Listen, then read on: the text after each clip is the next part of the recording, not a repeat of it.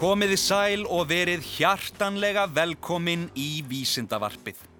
Í dag, þegar þessi þáttur er frumfluttur, er 9. desember. Og þá á ég afmæli. Þáttur dagsins verður þess vegna aðalega um mig, frá mér og til mín. Nana, nana, búbú og allir neyðast til þess að hlusta. Nei, nei, samt, samt alls ekki. Ekki slökva, ekki skiptum rás. Eh, Þátturinn mun að sjálfsögðu litast eitthvað af því að ég á ammæli, en það er ekki það eina sem við munum fjalla um. Ó nei, ég ætla að kenna ykkur að búa til hróðalegan raunlampa. Hvað er það nú eiginlega? Góð spurning, svarið er rétt handan við hotnið. Ég ætla að rannsaka annara manna ammæli og hvers vegna í óskubónum við höldum upp á þau. Og svo ætla ég að segja ykkur svolítið frá staðunum sem ég ólst upp á þegar ég var lítill strákur. Borgarfyrði. Sem ég má. Og hvers vegna? Jú, haha, því ég á ammæli. Takk fyrir, takk fyrir, takk fyrir kjælega, takk fyrir kjælega. Ég hafði ekkert fyrir þessu, takk fyrir. Við skulum byrja. Eins og áður hefur komið fram, þá á ég afmæli í dag. En hvenar eiga flestir Íslendingar afmæli? Þið vitið, við öll. Við skulum kíkja á vísindavefin. Fólki þar veit allt. Ég leitaði og leitaði og leitaði og það leið ekki á löngu þar til ég fann svarið. Það er að vísu svo litið gamalt. Það er alveg frá árinu 2003 og kannski voru sum ykkar sem eru að hlusta núna ekki einu sinni fætt árið 2003. En þetta er áhugavert svar engu að síður. Spurt er hvenar eiga flestir Íslendingar afmæli. Á Vísendavef Háskóla Íslands stendur. Ákveðið var að reikna svarið út frá öllum núlifandi einstaklingum sem hafa fengið íslenska kennitölu og eru þá bæði meðtaldir Íslendingar sem búa í útlöndum og borgarar annara ríkja sem hafa fengið íslenska kennitölu. Sumir þessara útlendinga búa hér en aðrir ekki. Alls eru þetta um 330.000 manns ef miðað er við áramótin 2002 til 2003. Uh, svarið er 20. og 3. júni 1966. Þetta er algengasti ammalistagur á Íslandi. 23. júni 1966. En uh, nú er 31 einstaklingur með íslenska kennitölu fættur þann dag. Næst kemur 15. desember 1959 en 30 manns eru fættir þann dag. Ef við horfum fram hjá ártalinu þá er svarið við spurningunni 20. og 8. apríl en 1010 eru fættir þann dag. Næst kemur 25. september, það eru 1003 sem eru fættir þann dag og að meðaltali eiga rétt hæflega 900 einstaklingar með íslenska kennitölu ammæli hvern dag ársins. Fæstir eru vitaskuld fættir 29. februar en það kemur hann einungis á fjögur ára fresti eða því sem næst. Þann dag eiga 227 einstaklingar með íslenska kennitölu ammæli. Næst kemur jóladagur 25. desember en 678 eiga afmæli þann dag. Og þá vitum við það. Gott og vel. En fyrst ég var nú byrjaður að gramsa í allskins afmæli staðreindum á vísindavefnum þá varð ég eiginlega að fá svar við annari spurningu. Hver hjælt fyrst upp á afmæli sitt? Hver var sá fyrsti eða svo fyrsta sem var nógu góður eða góð með sig til þess að segja nú á ég afmæli og nú eiga allir að halda veistlu fyrir mig og ekki nóg með það, nú eiga allir að gefa mér gjafir og kort og kökur og á næsta ári líka. Takk fyrir kjærlega. Á vísindavefnum segir Fyrsta afmælishald sem spurnir eru af voru burðardagar konunga og annara leiðtoga austur við miðjarðarhaf. Þar sem menn komust fyrst upp á lægið með nákvæma tímatalsútreikninga og fóru að geta búið til almanök. Vittneskja um nákvæma dagsetningu fæðingar sinnar var til þess að konungar og aðrir höfðingjar á þessum slóðum tók að auka dýrð sína í augum þegnana með því að halda árlega upp á ammæli sitt. Þá var einni minnst forfeðra og persónulegra verndar guða. Afmælið varð eins konar þjóðháttíðardagur, líkt og siður var síðar í einvaldsríkjum Evrópu. Dagatöl á miðöldum voru Evrópumönnum heldur ekki mjög hjálpleg við að muna nákvæmen fæðingadag. Þau voru sjaldan í höndum almennings og auk þess voru þau engum ætlu til minnis fyrir klerka um messudaga dýrlinga og aðrar kirkjuháttíðir. Fæðingadagur eins og fleiri dagsetningar var því einat tilgreindur sem ákveðin vikudagur fyrir eða eftir næsta helgidag. Til dæmis eh, fymtudagurinn eftir krossmessu á vori eða mánudagurinn fyrir uppstigudag. Eginlegt ammælishald meðal alþýðu manna á sér hins vegar hverki langa sögu. Á þýsku menningarsvæði til dæmis var það til að mynda ekki almennt fyrir nokkuð var liðið á 20. öld þótt að þekktist að sjálfsögðu fyrr meðal hinna betur stæðu, þeirra sem áttu meiri pening. Afmælishald meðal almennings á sér heldur ekki langa sögu hér á Íslandi og nafnadagar virðast aldrei hafa fest hér neina rætur að marki. Kvorstveggja var reyndar enn síður að vænta á Íslandi en annar staðar vegna þess hver lengi menn heldu fast við gamla misseristalið og vikutalninguna. Menn vissu því yfirleitt helst hvaða dag í hverri viku sumars eða vetrar, þorra eða góðu þeir voru fættir en ekki nákvæman mánadardag. Margir miðuðu aldur sinn blátt áfram við það hvað þeir hefðu lifað margar jólanætur og ymsir könnuðust við þá aldurskreiningu fram eftir 20. öld þótt hún væri reyndar ekki lengur þá viðhöfð. Á Íslandi sérst naumast minnst á ammali fyrir ná átjándu öld. Hið elsta af þeim toga er Ammalis kvæði til þrúðar Þorsteinstóttur biskupsfrúar á Hólum árið 1709. Þegar kemur fram á 19. öld sjást nokkur dæmi þess að auðugir menn halda upp á Ammali sitt og fái sendar afmæliskveðjur í ljóðum og um miðjaöldina hefur síðurinn breyðst nokkuð út meðal stúdenda. Og þá vitu við það. En Það er ekki bara vísendavefur Háskóla Ísland sem geymir upplýsingar um afmæli. Ég lagðist í smá grúsk á internetinu, ég veit ekki hvort þið hafi heyrt um það, þið ættu að heimsækja það, það er alveg ótrúlegur og stórfurðulegur staður, internetið. Og þar fann ég nokkrar furðulegar og um leið stórskemtilegar staðarindir um, emitt, afmæli. Fáum smá svona hljóð eins og við séum stödd í veistlu. Glæsilegt. Á heimsvísu er ágúst vinsælasti mánuðurinn þegar kemur að afmælum. 9% allra jarðarbúa eiga afmæli í ágúst. 2 miljardar af afmæliskortum eru send á hverju ári. Dýrasta fæðingavottorð sögunar er fæðingavottorð Beatlesins Paul McCartney sem var stelt á uppbóði í mars árið 1997 fyrir næstum því 11 miljónir íslenskra króna. En það er samt ekki neitt miða við dýrustu ammælis veistlu í heimi. Soldáninn af Brunei var ammælisbarnið og kostaði veistlan yfir þrjá og hálfan miljard íslenskra króna. Hann var að halda upp á 50 ammæli sitt. Og að lokum Stærsta afmælisterta sögunar var bökuð 15. mæ árið 2005 í Las Vegas í Bandaríkjónum. Það tók þúsund manns meira en 14 klukkustundir að baka kökuna en það var hún gríðar stór. Efnið sem þurfti til að bakana var flutta á réttan stað á átta stórum trukkum og þegar búið var að blanda efnunum saman, nóða og baka var heimsins stærsta kaka tilbúin. Hún var, og haldið ykkur nú fast, næstum því 59 tonn að þyngd og ofan á henni lúrðu meira en ádján tonn af kremi. Takk fyrir kærlega. Ég get eiginlega alveg lofað ykkur því að einhver fekk illt í magan þann daginn. En nóg af ammælistali í byli. Ég var búin að lofa því að segja ykkur örlítið frá staðnum sem ég ólst upp á. Borgarfyrði. Þar hafa margir heiðursmenn og konur átt heima og gera enn eins og til dæmis ég. Og þegar ég var lítill þá átti ég heima á bóndabæ sem heitir staður eða staðarhús.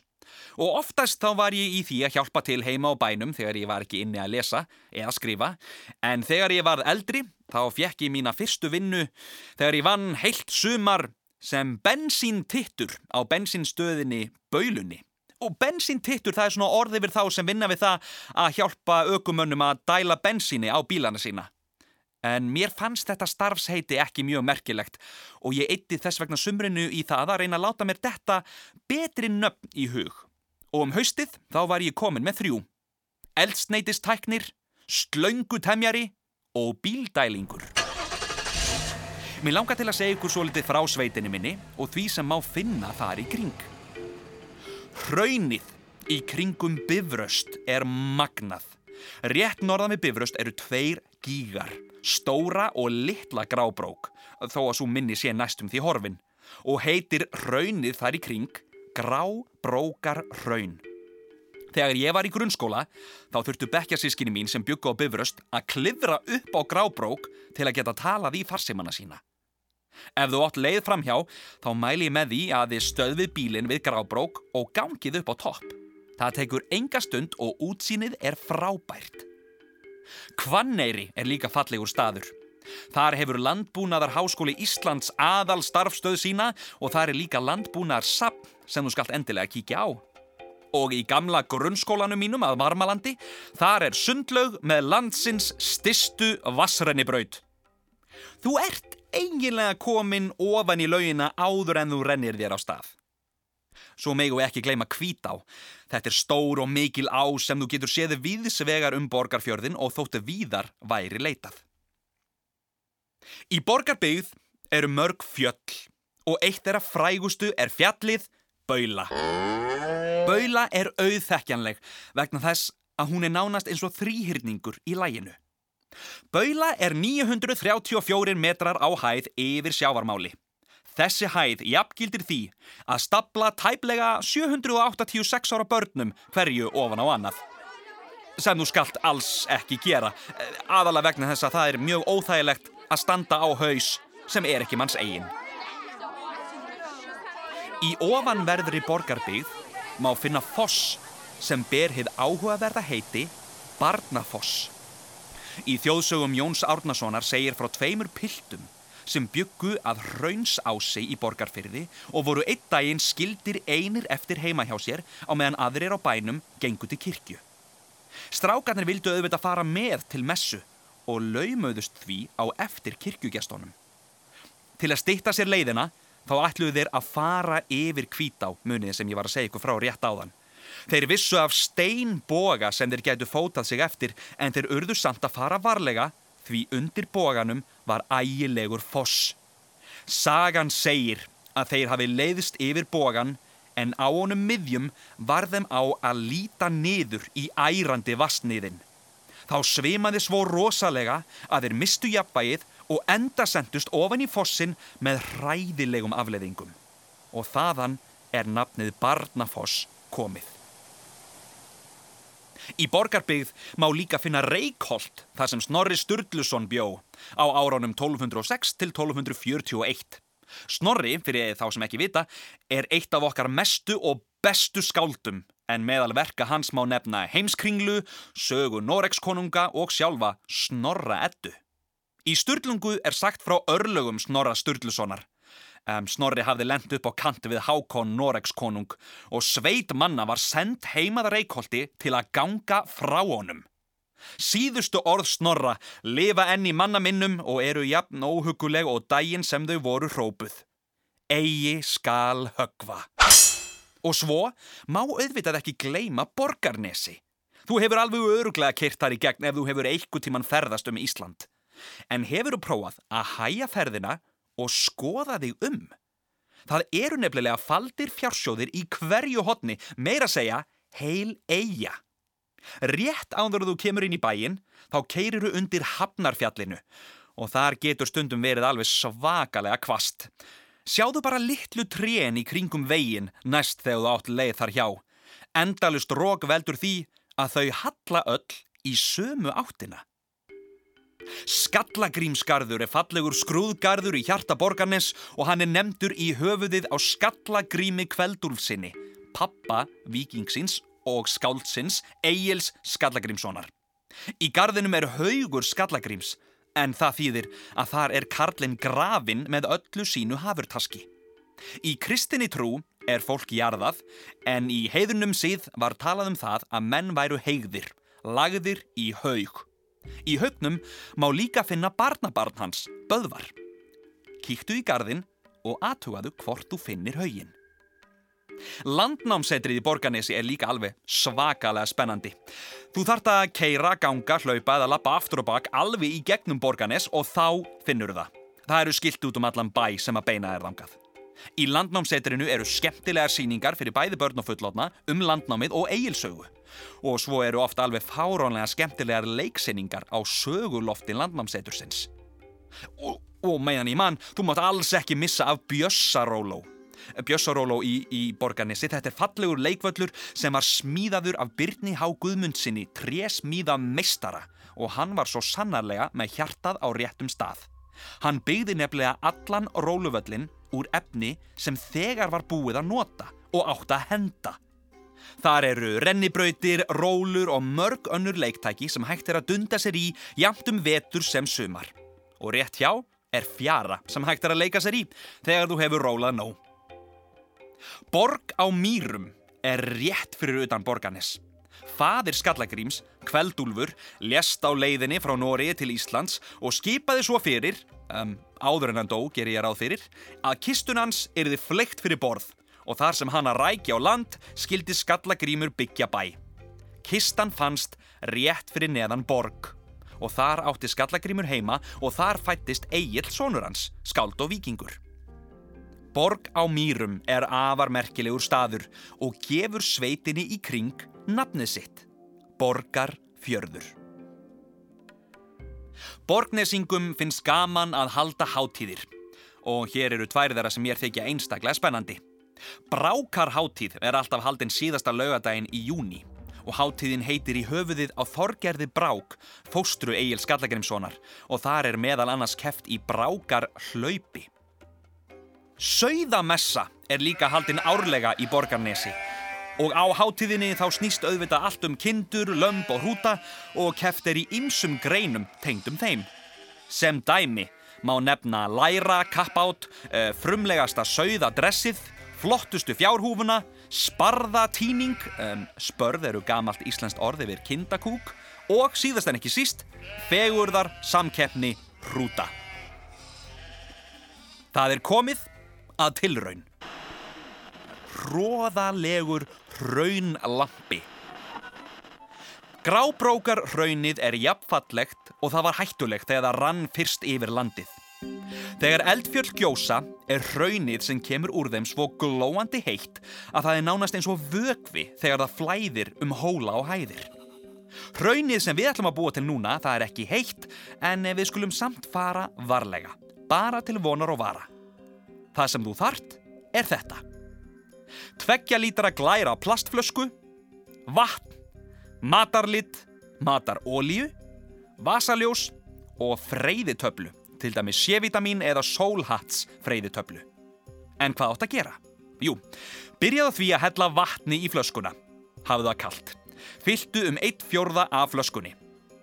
Settu nokkra drópa af matarlitt ofan í flöskuna og því fleiri drópar þeim mun dekra verður hraunið þitt. Fylltu nú flöskuna, næstum því, með matarólíunni. Settu freyðitöfluna ofan í flöskuna og hvað gerist? Lampin gís. En hvers vegna? Jú, vatn og ólíja blandast ekki saman. Matarliturinn og vatnið blandast hins vegar afar vel saman og þá litast vatnið. Freyðitablan leysist ekki upp í ólíinni en um leið hún snertir litaða vatnið byrjar hún að leysast upp. Það losnar koldfíoxið gas sem leitar upp á yfirborðið og dregur með sér vastrópa í leiðinni. Um leið og gasið sleppur á yfirborðinu fellur vastrópin aftur niður í gegnum ólíuna. Litaða vatnið dansar um flöskuna eins og ný gósið raun. Þú getur prófað að slökkva ljósinn og lifta flöskunu upp og passaðu að það hellist ekki úr henni og lístu svo undir flöskuna með vasaljósinu. Þá verður tilraunin ennþá flottari. Hafðu í huga að ekki drekka blönduna, passaðu að það far ekki matarlitur í fötnin þín og uh, mynda byggjum leiði áður en þú setur allt á kvolf. Þættinum er lokið. Ég vil þakka Vísendavef Háskóla Íslands, vísendavefur.is og um leið minna á heimasíðuna mína en á krakkarúf vísindavefurinn.is. Þar getið þið hlustað á öll gömlu vísindavörpin og hort á alla þættina mína. Þetta er Ævar Vísindamadur og Amalisbann sem þakkar fyrir sig, yfir og út.